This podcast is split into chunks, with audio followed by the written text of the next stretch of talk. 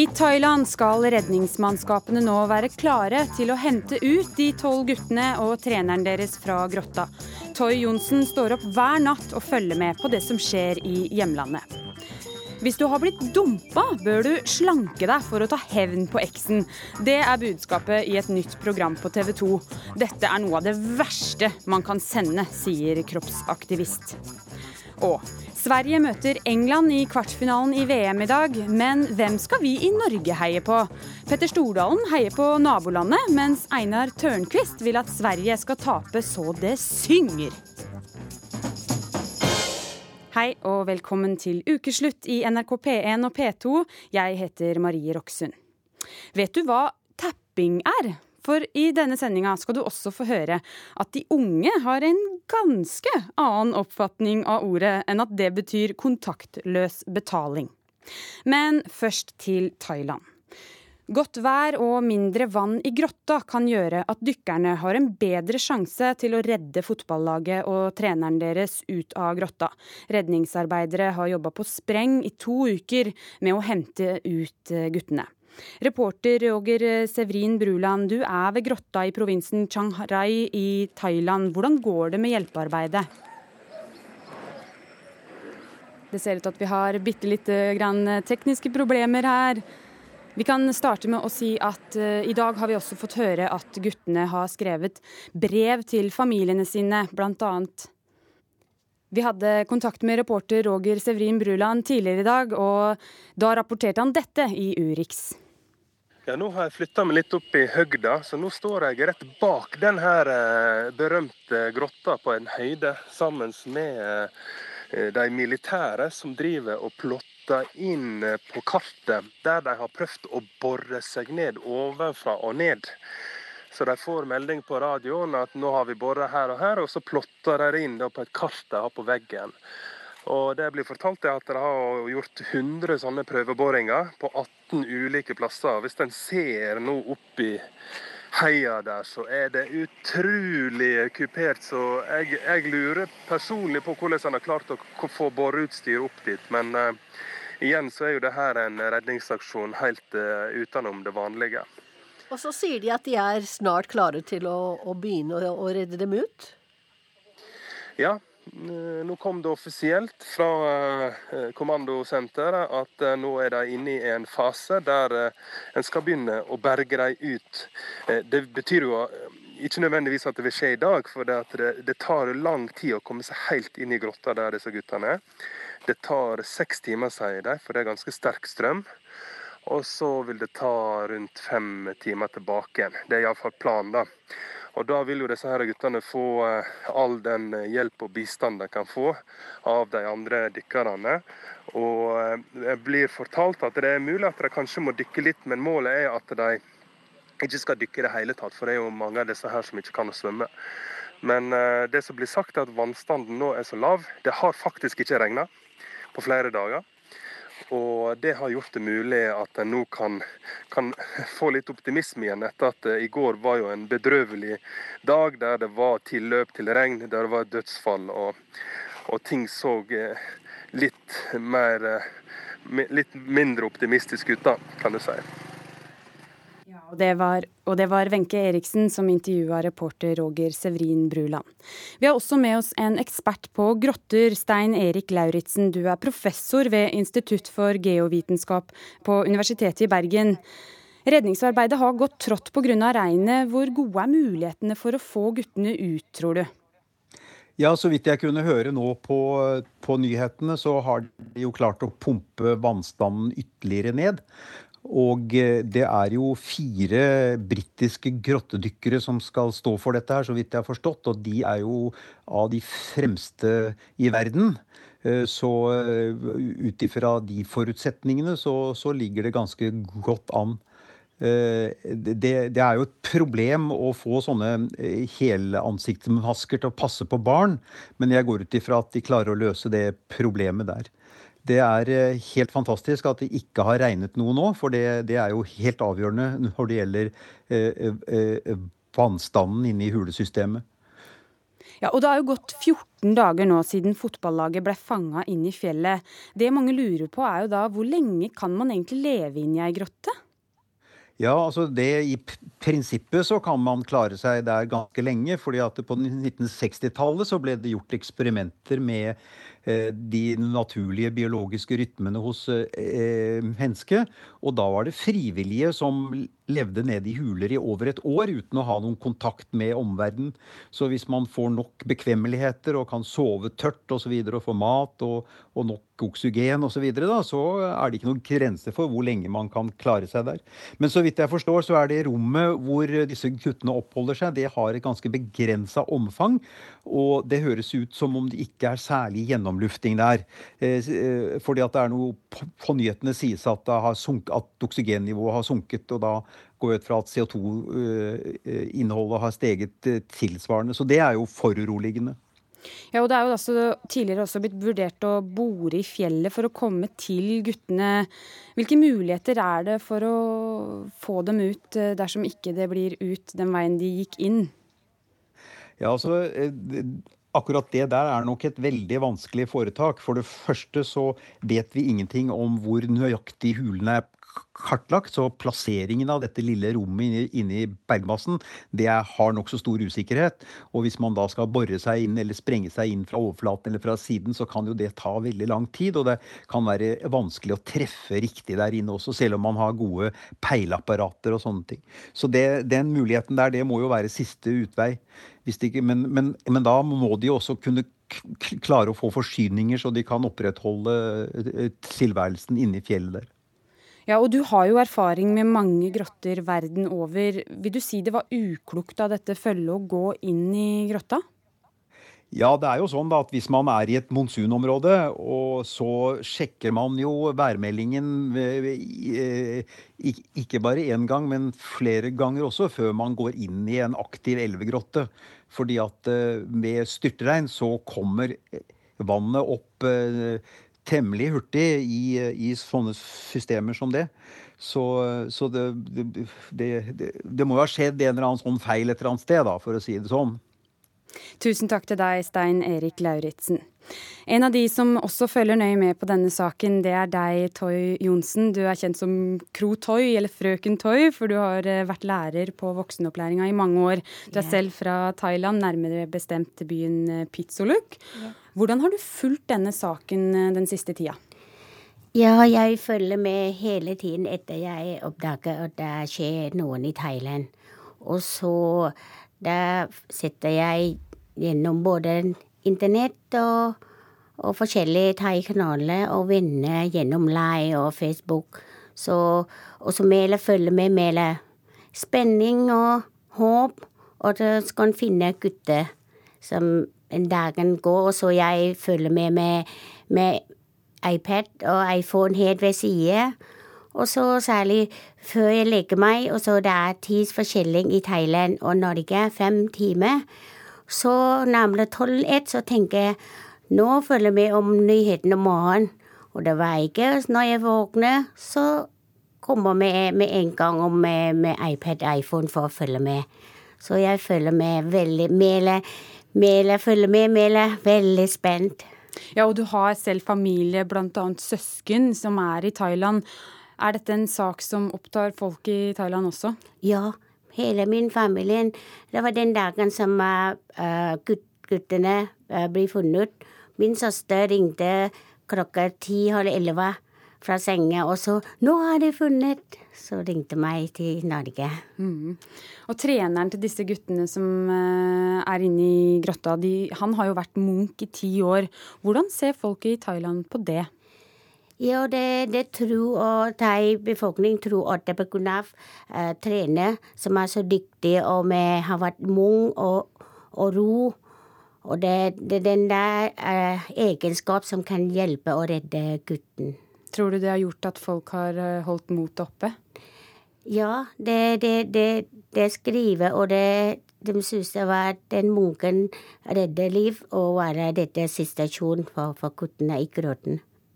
Og denne saken har jo fått oppmerksomhet fra hele verden. Er du stolt av hjemlandet ditt? Ja, det var litt katastrofe i Thailand. Men uh, jeg blir så veldig stående opp at hele vandelen følger med. Og så ser den eh, typisk thai som er, har fellesskap og, og hjelpe og bidra, selv om stor risiko for livet. Men det er typisk thai som vil bidra og hjelpe. Tusen takk til deg, Toy Johnsen. Og vi oppdaterer saken fortløpende. Følg nrk.no utover dagen.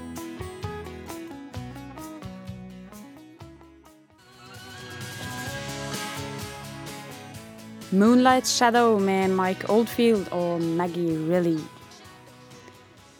Har du hørt om begrepet hevnkroppen før? Kort fortalt går det ut på at noen som f.eks. har såra deg, skal få se hvor fin du har blitt, og at de da skal angre på det de har sagt eller gjort. Og dette er konseptet bak TV-serien Revenge Body with Khloe Kardashian, som du som norsk TV-titter kan se på TV 2. Samfunnsdebattant, burleskdanser og kroppsaktivist Karina Karlsen, du mener TV 2 bør droppe den nye Kardashian-serien. Hva er det største problemet med det programmet? Eh, det største problemet med det programmet er, mener jeg er at de fremmer dette her med at eh, ja, det er en bestemt kroppstype som er da veien til lykke og selvrealisering. Så jeg mener at det sender usunne signaler, fordi det ikke handler om helse. Det handler om å bli fin i gåseøynene for andres, eh, andres, skyld. Og da mener jeg at TV 2 bør, eh, bør ta et ansvar som noen som faktisk sitter med en makt. Men det er jo masse press på de unge fra alle mulige kanaler. Eh, Instagram og reklame. Hvorfor er akkurat dette programmet så ille? Jeg syns Altså, det er jo én av mange, men det er noe med at da kan man heller ta et aktivt valg og ikke vise det.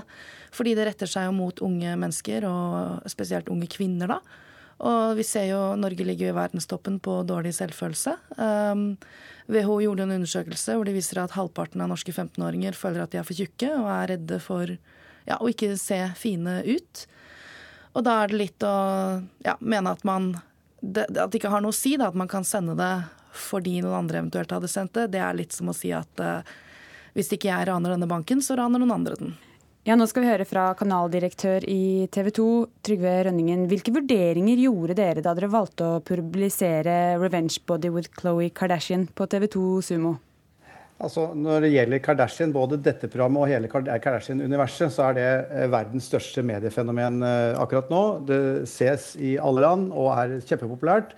Eh, det er naturlig at en, en strømmetjeneste som TV2 Sumo ønsker sånne typer programmer. Og så tror jeg det, Nå diskuterer vi et veldig alvorlig tema eh, om menneskers eh, cerebille, eller manglende sådan. Eh, så er det Karina Carlsen som velger å bruke Kardashian eh, som et, en knagg på det. Eh, da når hun norsk presse og til slutt en debatt i ukeslutt. Jeg mener jo at vi skal diskutere dette ut fra helt andre typer programmer. For når det gjelder Kardashian, så er det vel Eh, de aller fleste som ser på det, og det er i hvert fall vår erfaring, at eh, man har en god og ironisk distanse til dette litt tabloidiserte amerikanske reality-TV. Hva har du å si til dette, Karlsen? Jeg mener jo at eh, Kardashians ikke har blitt kjendiser fordi folk har en ironisk distanse til det. De fleste lar seg påvirke i ganske stor grad. Og ja, det er mange sånne programmer når jeg så den vignetten her, jeg blei veldig, ble veldig, sjokkert. Så jeg har gått inn for å se programmet, og jeg syns virkelig at dette er noen av, det, noen av de verste programmene man kan velge å sende. Og så tenker jeg ja, OK, man har valgt å sende The Kardashians, altså selve uh, Kardashians-serien, men uh, jeg mener fortsatt at når man sitter med den makta som TV 2 har, så kan man ta avstand fra det. Aktivt avstand. Rønningen, tror du ikke at eh, noen blir eh, påvirka av det programmet? Noen kan helt sikkert bli påvirka av dette og andre typer programmer. Men jeg, jeg synes vi diskuterer, eller høres ut som vi diskuterer to ulike eh, programmer, eller har sett to ulike programmer. Dette programmet er, eh, ja, har en spiss vinkel, men det er, framstår som et forholdsvis ordinært slankeprogram som har vært en del av kommersiell TV siden kommersiell TVs eh, morgen. Og eh, det er jo ikke sånn, det er ikke riktig at det programmet kun fokuserer på at hvis du blir tynn, så blir du lykkelig. Tvert imot. Det er deltakere der som har helt andre typer utfordringer i livet sitt, og, og, bruker dette som et verktøy for å komme i bedre form, spise bedre, møte seg selv på en bedre måte. Eh, og det er også en del av dette programmet. Så skal ikke jeg sitte og forsvare alt det Kardashian-jentene gjør i sitt uh, hverdagsliv, uh, fokusert på TV. Men jeg mener debatten burde handle om hva vi kan gjøre på norsk TV med sterke norske programmer for å sette en samfunnsdebatt som ikke handler om Kardashians, men om, om viktige problemstillinger i eh, norsk media og norsk TV. For vi som mediefolk kan ikke løpe fra det ansvaret vi har om å, å se disse tingene på fullt alvor. Eh, men da er ikke Kardashian-spor å diskutere dette ut fra, mener jeg. Jeg vil gå tilbake til det første spørsmålet. Altså, det er vel ikke til å stikke under en stol at dette programmet kan være med på å skape et visst press for enkelte, kanskje de mest sårbare. Noen, ble det gjort noen vurderinger eh, i TV 2 som gikk på skal vi være med på å distribuere dette eller ikke? Nei, Av det som vises eh, i norsk media eh, og, og, er eksponert mot eh, yngre mennesker, hvis det er det vi snakker om, så er ikke dette det verste. Og, og, hvis vi skal virkelig, og det er det jeg ønsker å prøve å pense debatten over på, hvis vi virkelig ønsker å ta dette på alvor, så må vi se på der, der problemet virkelig kan være med å løses. Det er hvordan venner har innflytelse på hverandre, skolen, foreldre, press fra omgivelsene, idretten, dette med jakten på å lykkes. Og det eh, ansvaret det, det, kan rett og slett ikke verken TV 2, Sumo eller Kardashians ta. Altså. Det er noe vi må se på på helt andre steder i, i samfunnet vårt. Men vi er jo også en del av samfunnet. Du er også en stor del av samfunnet. Du har jo makt til å kunne ta avstand fra det. Jeg tenker at TV er jo også de som har innflytelse på unge mennesker. Jo, men du vet at den, det Kardashian-konseptet som går sin seiersgang verden rundt, eh, så har ikke jeg da mer makt i, i, denne verden, annet enn at det hadde kommet til en norsk TV-seer uansett. Så kan vi da velge å si at det er en kynisk innfallsvinkel fra, fra TV 2 Sumo, og si at vi, da, da, da, er det vi som tar det. Men, men eh, vi klarer ikke å stoppe uh, Kardashians fra å bli vist på norske TV-skjermer, enten det er vi eller andre som gjør det. Og så, mener jeg da som et grunnleggende utgangspunkt her at dette er mer underholdning som er blått til lyst, enn det å være veldig påvirkningskraftig for, for unge mennesker. Jeg har døtre på 19 og 21. Jeg har sett Kardashians mye sammen med de. Og, og, de ser på dette akkurat på samme måte som meg, med ironisk distanse. Og tro meg, jeg har vært bekymra eh, barnepappa i de årene jeg har hatt døtre, på akkurat det temaet vi, vi, snakker om. Det er et alvorlig tema, men det er ikke Kardashian som er, eh, som er problemet. Ja, for uh, Hovedpersonen i dette TV-programmet hun heter Khloé Kardashian. og Hun har altså svimlende 76,7 millioner følgere på Instagram. Karlsen, Hva hjelper det egentlig om TV 2 dropper det her? Altså Jeg også skjønner at dette ikke løser verdens problemer, men jeg mener at vi må begynne et sted, og noen må ta ansvar. Uh, og så tenker jeg at Det er for lett å si ja, men de er superkjendiser, og mine døtre lar seg ikke påvirke. Det er ganske mange andres døtre som lar seg påvirke. Og igjen mener jeg at når man er en makt som har muligheten til å ta uh, en avgjørelse, så kan man velge å ikke vise dette. Og jeg skjønner ut fra TV 2 ståsted også at dette her er eh, penger inn og Altså, jeg, jeg skjønner den kyniske verdenen, men jeg står på mitt. Jeg syns fortsatt ikke det er moralsk riktig. Takk til dere, Karina Karlsen og Trygve Rønningen.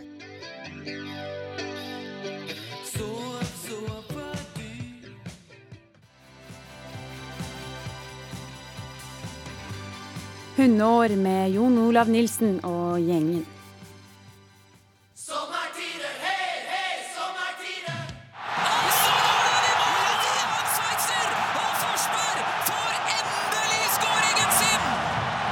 Faen, de stuper der ute. Det er sånt man drømmer om som liten, og at nå få oppleve det, det, det er fantastisk. Jeg har jobbet hardt for å komme hit. Som vi hørte var svenskene euforiske etter seieren mot Sveits denne uka. I dag møter Sverige England i kvartfinalen i VM. Her i Norge har mange et godt forhold til engelsk fotball, samtidig som vi er glad i våre naboer i Sverige. Og da er jo dilemmaet der hvem skal vi i Norge egentlig heie på i VM? En som gjerne tar på seg den gule og blå fotballdrakta og roper 'nu kjører vi' og 'heia Sverige', det er deg, hotelleier og investor Petter Stordalen. Hva er grunnen til at du heier på vår nærmeste nabo? Uh, du, uh, altså, svaret ligger i spørsmålet ditt. Det er vår uh, beste nabo. Forholdet mellom Norge og Sverige er på mange måter unikt i hele verden. Vi lever i fred og harmoni med hverandre. vi har, snakker nesten samme språk. Eh, svenskene når de trenger en talkshow-vert, så henter de Skavlan. De spiser Grandiosa. Skam ble tidenes mest streama TV-program i Sverige. Gir hverandre normalt masse poeng i Eurovision Song Contest. Og mange nordmenn var snuser. Eh, svenskene kalte Northug årets svenske idrettsutøver. Det er så mye raushet og kjærlighet mellom de landene.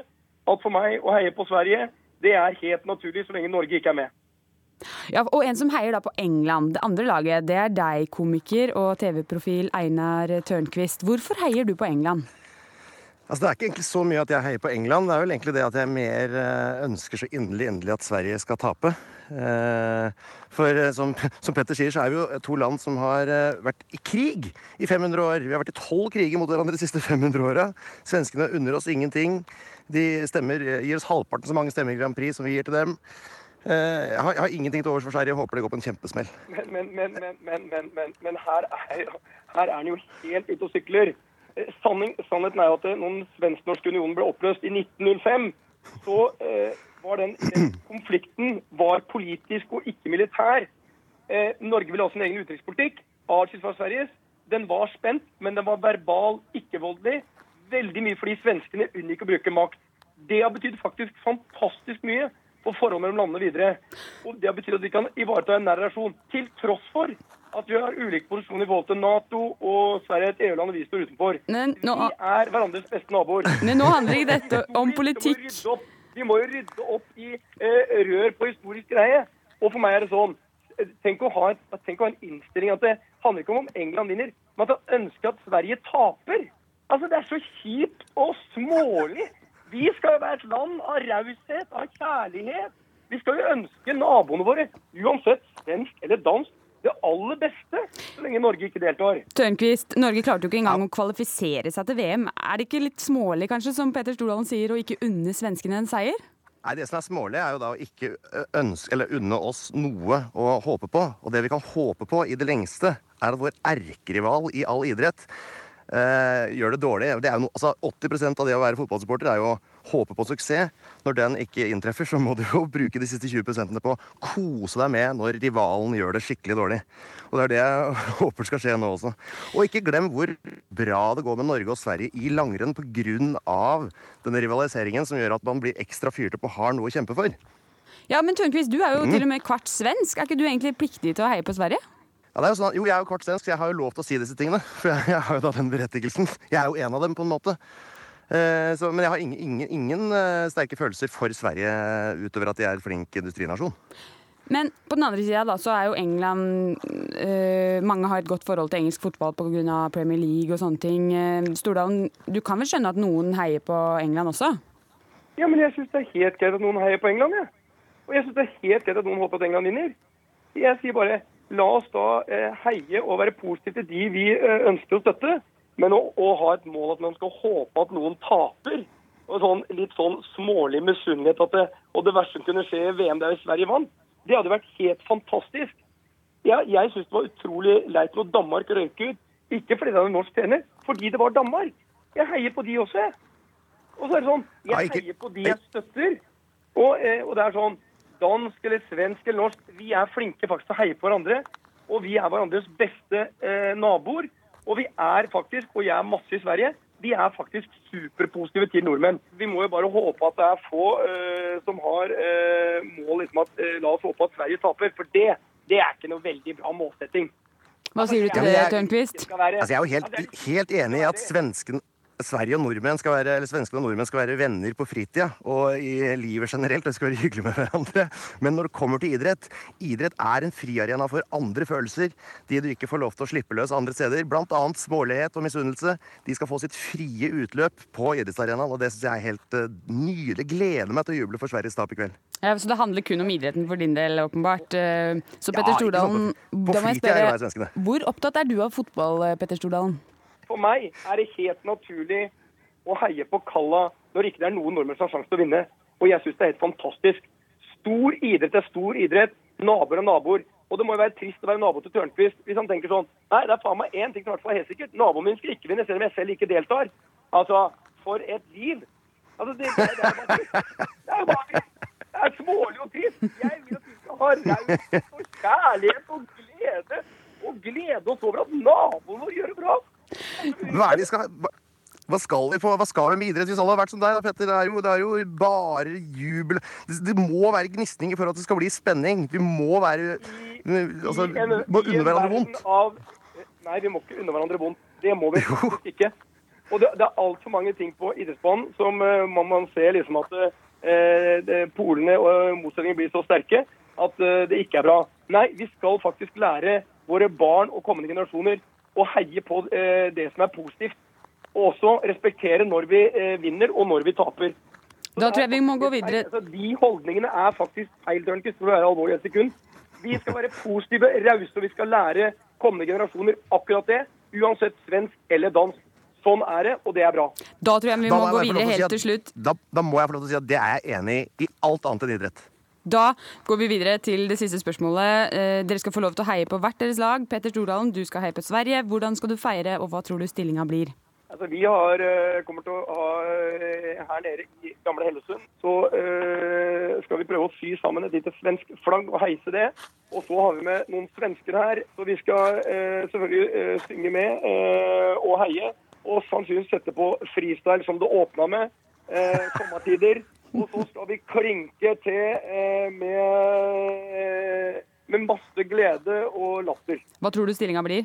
Jeg håper at det, det hadde vært fantastisk morsomt hvis Sverige hadde gått videre og det hadde blitt en close kamp. Det hadde vært fantastisk morsomt for eh, Skandinavia og for Norden. Hva med deg, Tørnquist? Hvordan skal du feire, og hva tror du stillinga blir? Eh, nei, Feiringen blir ikke så mye av, for jeg er jo med familie, det er på familieferie. Så det blir jo en rolig, hyggelig Vi skal se kampen, og så skal vi legge barna og så, sånne ting. Så kanskje spise taco eller noe. Men eh, jeg tror stillinga blir Jeg vil gjette 4-0 til England, men jeg håper på betydelig mer. Oi! Det var spenstig. Husk at Sverige har flaksa seg gjennom til nå. De har bare slått uh, Sør-Korea, Mexico og Sveits.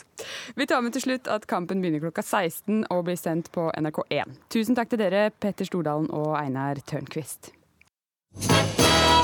begynner verdens mest isolerte land, Nord-Korea, å bli mer åpent. President i Norges Røde Kors mener det er grunn til forsiktig optimisme. Og er du en av de som elsker norske jordbær, bør du hive deg rundt. For varmen i store deler av landet har ført til en tidlig og kort bærsesong i Sør-Norge. Ja, og nå har vi fått kontakt med reporter Roger Sevrin Bruland i Thailand. Hvordan går hjelpearbeidet? Hjelpearbeidet går for fullt nå rundt hele denne grotta. I alle kriker og kroker de kan, så driver de og ser på mulighetene til å, å komme seg inn. Fjellet er jo som en porøs sveitserost, så her er mange områder å undersøke. Akkurat nå så har de dumpa borti gudstjeneste, der de ber for de som sitter fast inne i eh, grotta. De synger vekkelsessanger og har laga mat og skal kose seg her eh, i en liten landsby eh, på baksida av, av den grotteinngangen som vi har sett på fjernsyn. Tusen takk til deg, Roger Sevrin Bruland. Og nå skal vi til et annet asiatisk land.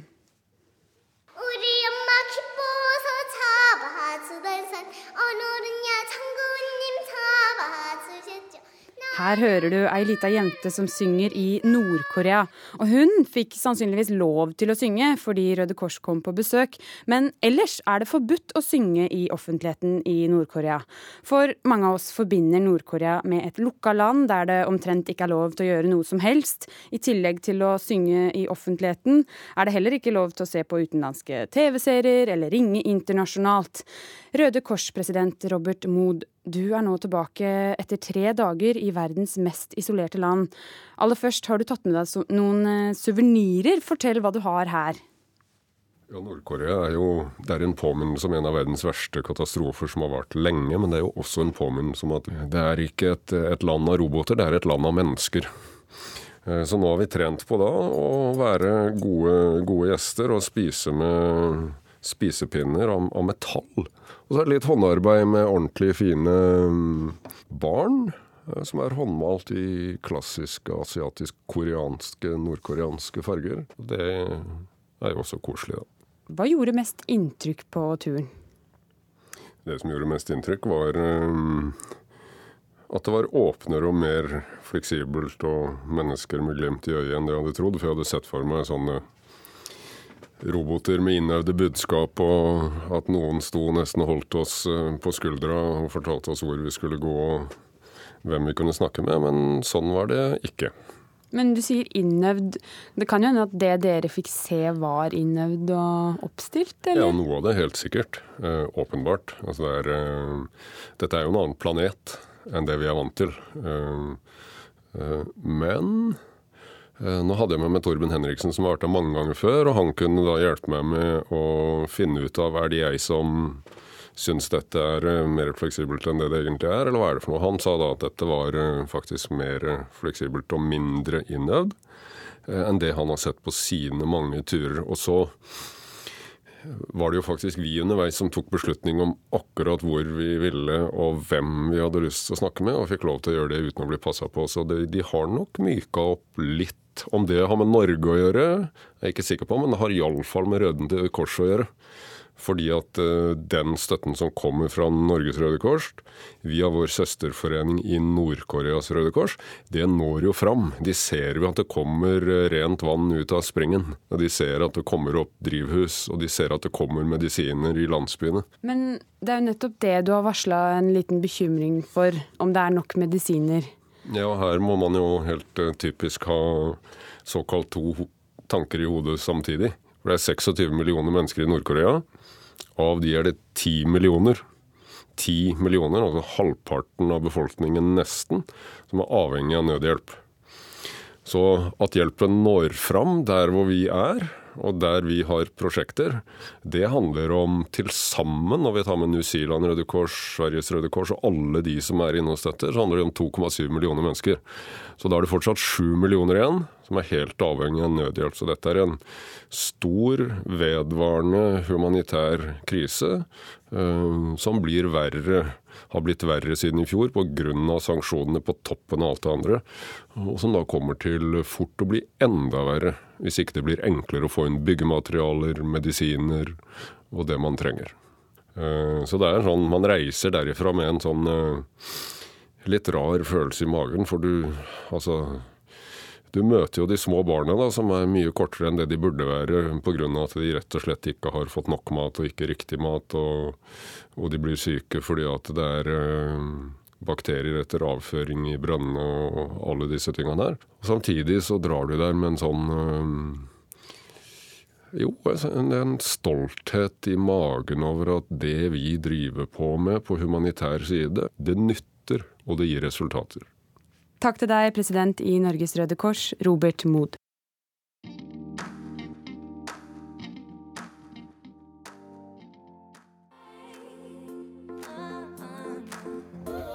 A Good Night med John Legend og Blood Pup.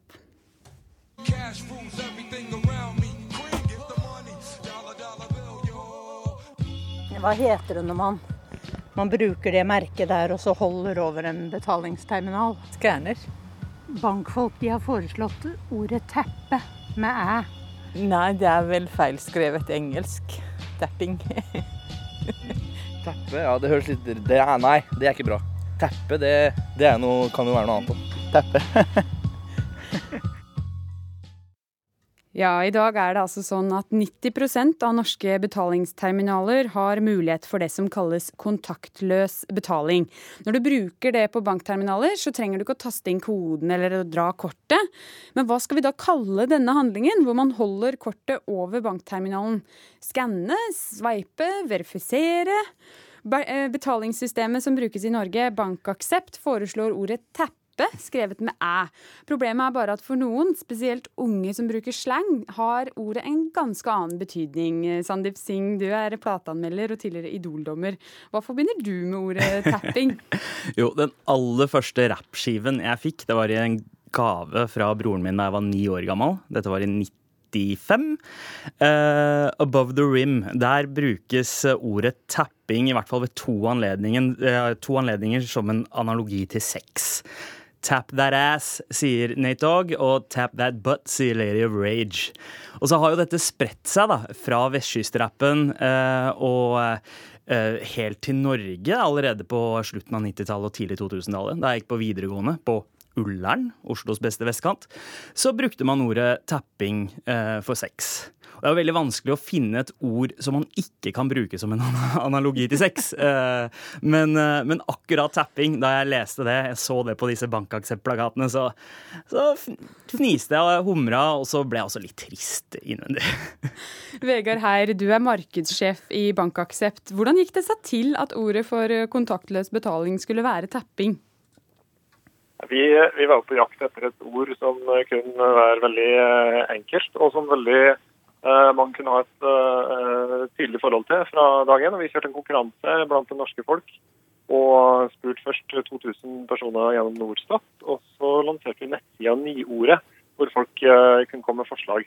Da var det en rekke ord som ble foreslått. og etter en grundig prosess og tetting som var det mest populære. Uh, og så er det klart at det har jo Alle ordene som kom inn, har flere betydninger. Og sånn er jo det norske språket. Så um, vi kom fram til tapping gjennom, en, uh, gjennom å spørre folket. Ja, Hva tenker dere da om at tapping eh, for mange betyr det å ha sex? Nei, Vi tenker at masse ord i språket har flere betydninger. og så hadde Vi jo, vi hadde hørt det på forhånd at det, kunne ha en dobbel betydning i enkelte miljøer. Så har vi kanskje blitt litt overraska over hvor utbredt det var. Så der kan vi være ærlige på at vi ikke kanskje var så godt kjent med eh, hvor utbredt det var.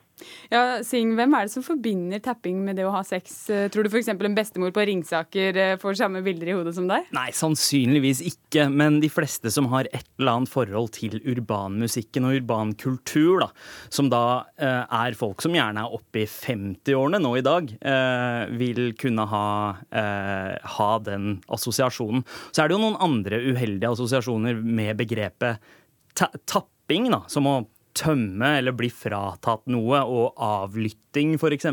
Eh, begrepet tappe blir jo mer en anglisisme enn en, uh, bruk av det norske ordet. Jeg mener at man heller kunne ha spilt på noe ordspill med bank, altså banking, og bankekortet. Da bruker man i hvert fall noe norsk. Ja, for apropos det, da, så har jo eh, dere i Bankaksept Vegard her fått kritikk av bl.a. Språkrådet, som mener at tapping bør skrives med A og ikke æ.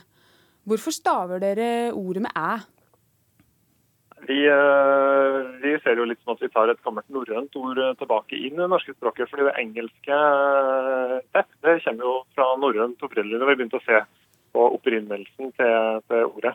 Så, så, sånn sett er det ikke et direkte låneord som vi bare tar inn fra engelsk, men eh, vi ser på det som et, eh, som et nordisk tilbakeføring av ordet. og så har vi, vi har forsøkt å gjøre det, gjøre det så det er veldig tydelig at det er norsk, et norsk ord, og, og ønsker skrivemåten med æ.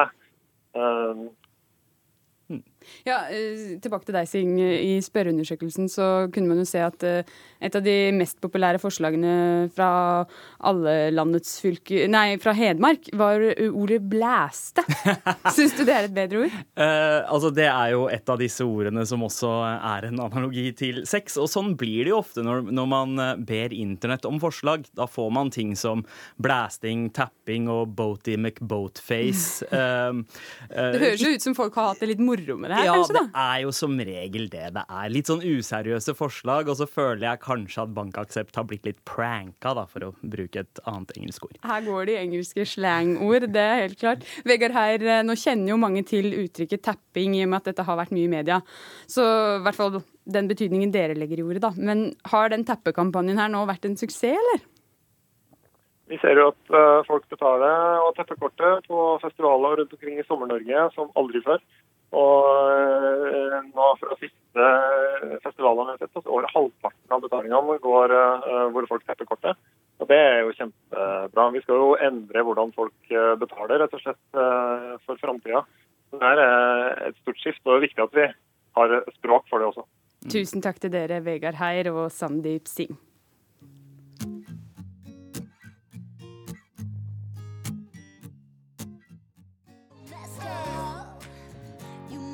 That's How You Know You Messed Up med Nico og Vince og Kid. I store deler av landet er det strålende sol og høye badetemperaturer, og avis, eh, avisforsidene preges av nyhetssaker om varmerekorder. Likevel fins det faktisk folk som gleder seg til høsten. Men hvordan er det mulig? Reporter eh, Emilie Gamst dro ut for å se på de negative konsekvensene av rekordsommeren. Jeg har lyst til å grille pølser og sånn når det er varmt ute, og bare sitte på stranda eller noe. Men det er ikke lov, så det er litt kjipt, da. Ja, jeg syns vannforbudet er litt dumt at det er nå, siden det er så tørt. Så jeg vanner litt både her og der, ja, men eh, vi sliter jo med det ute på en øy ute på Tjøme. Så, men vi må jo forholde oss til forholdene.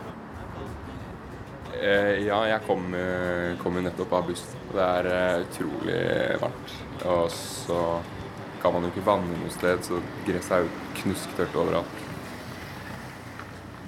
Etter ukevis med sol fra skyfri himmel begynner oslofolk å merke begrensningene. Hvis de vil vanne blomster, så må de sjekke om de har lov til det akkurat den dagen. Og vil de grille en kotelett, så er det forbudt. I alle fall i nærheten av skogen. Jeg tenker at det hadde vært greit øh, å smelte opp en øh, engangsgrill øh, hvis det hadde vært ved et vann eller noe sånt, på en stein, og du ser at du har full kontroll. Men ikke alle kan være kreative. Når jeg ringer rundt for å få tak i jordbær, et av hovedsymbolene på norsk sommer, så er det rett og slett slutt.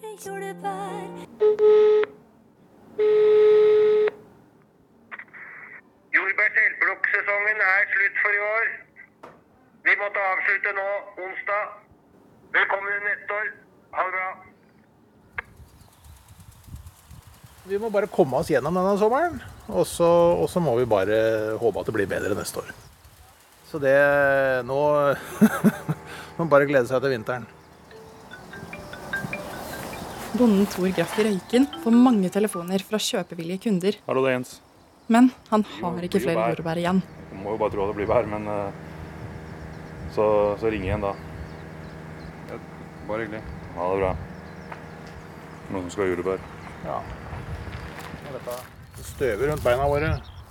Mens vi går her. Så det, det, er, det er Der vi ikke har vanna, så det, så er det helt Det er knusktørt. Det er, det er hardt som fjell i bakken. Nå er det bringebærsesongen som står for tur. Og for å unngå at de skal lide samme skjebne som jordbærene, vanner de for harde livet. Jeg tror du må sette deg på ei kraftig vanning i bringebæret her, Jens, for å få gjennombløyta dette her sånn. Den, den. Så eh, nå er ikke sommeren over ennå. Eh, hvis, eh, hvis, vi får et annet værslag på høsten, så kan vi hente inn en god del der. Men eh, det er klart at hittil i år så er det jo blodrøde tall. Det er, eh, det er mange hundre tusen i underskudd.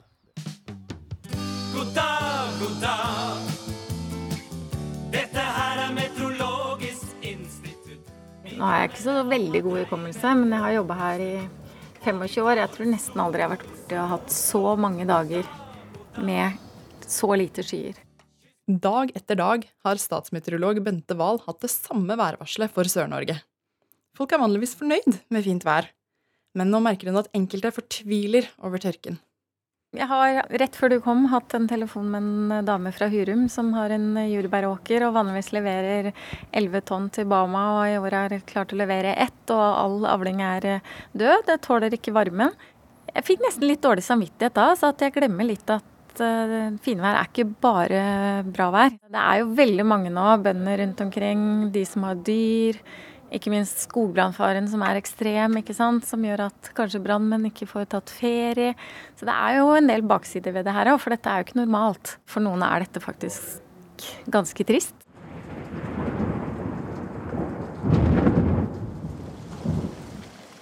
Men dette er ikke situasjonen for hele Norge. Mens Sør-Norge peser av varme, har Nord-Norge fått en salig blanding av vått og kaldt vær i hele juni. Folk på gata i Tromsø har vanskelig for å synes synd på søringer som ikke får grillet eller vannet blomster. Det er vel kanskje en liten pris å betale, tenker jeg. Jeg hadde gladelig eh, henta eller eh, latt være å dusje i uka hvis jeg kunne fått et par dager med sol. Ja, de får bare klage. Jeg syns ikke synd i dem akkurat. Jo, det er jo en forferdelig situasjon, spesielt for de som har eh, husdyr, og som kanskje må slakte ned bestanden sin fordi at de ikke får nok eh, vinterfôr. Det kunne jo vært mye mer rettferdig fordelt at vi fikk noen av de soltimene og tørre dagene som de har, for vi har jo faktisk mer enn nok eh, fuktighet i jorda. Eh, ja, jeg vil kanskje si at jeg syns jo litt synd på dem. Det er jo fint å grille og sånn når det er fint vær. Så jeg skjønner jo det på en måte, men hvis vi ser på vårt vær, så syns jeg kanskje ikke at de har noen grunn til å klage.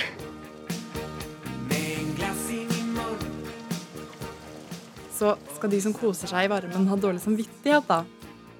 Nei, ifølge meteorolog Wahl.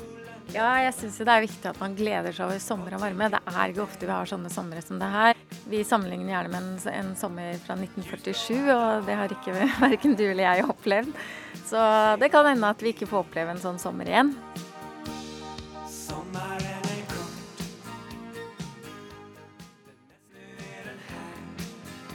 Thomas Ledin, 'Sommeren er kort'. Ukeslutt er over for denne gang, og vi takker for følget. Ansvarlig for denne sendinga var Julia Afshari Kaasa og Kari Li. Teknisk ansvarlig Finn Li. Og mitt navn er Marie Roksund. Mer nyheter fra NRK finner du på nrk.no.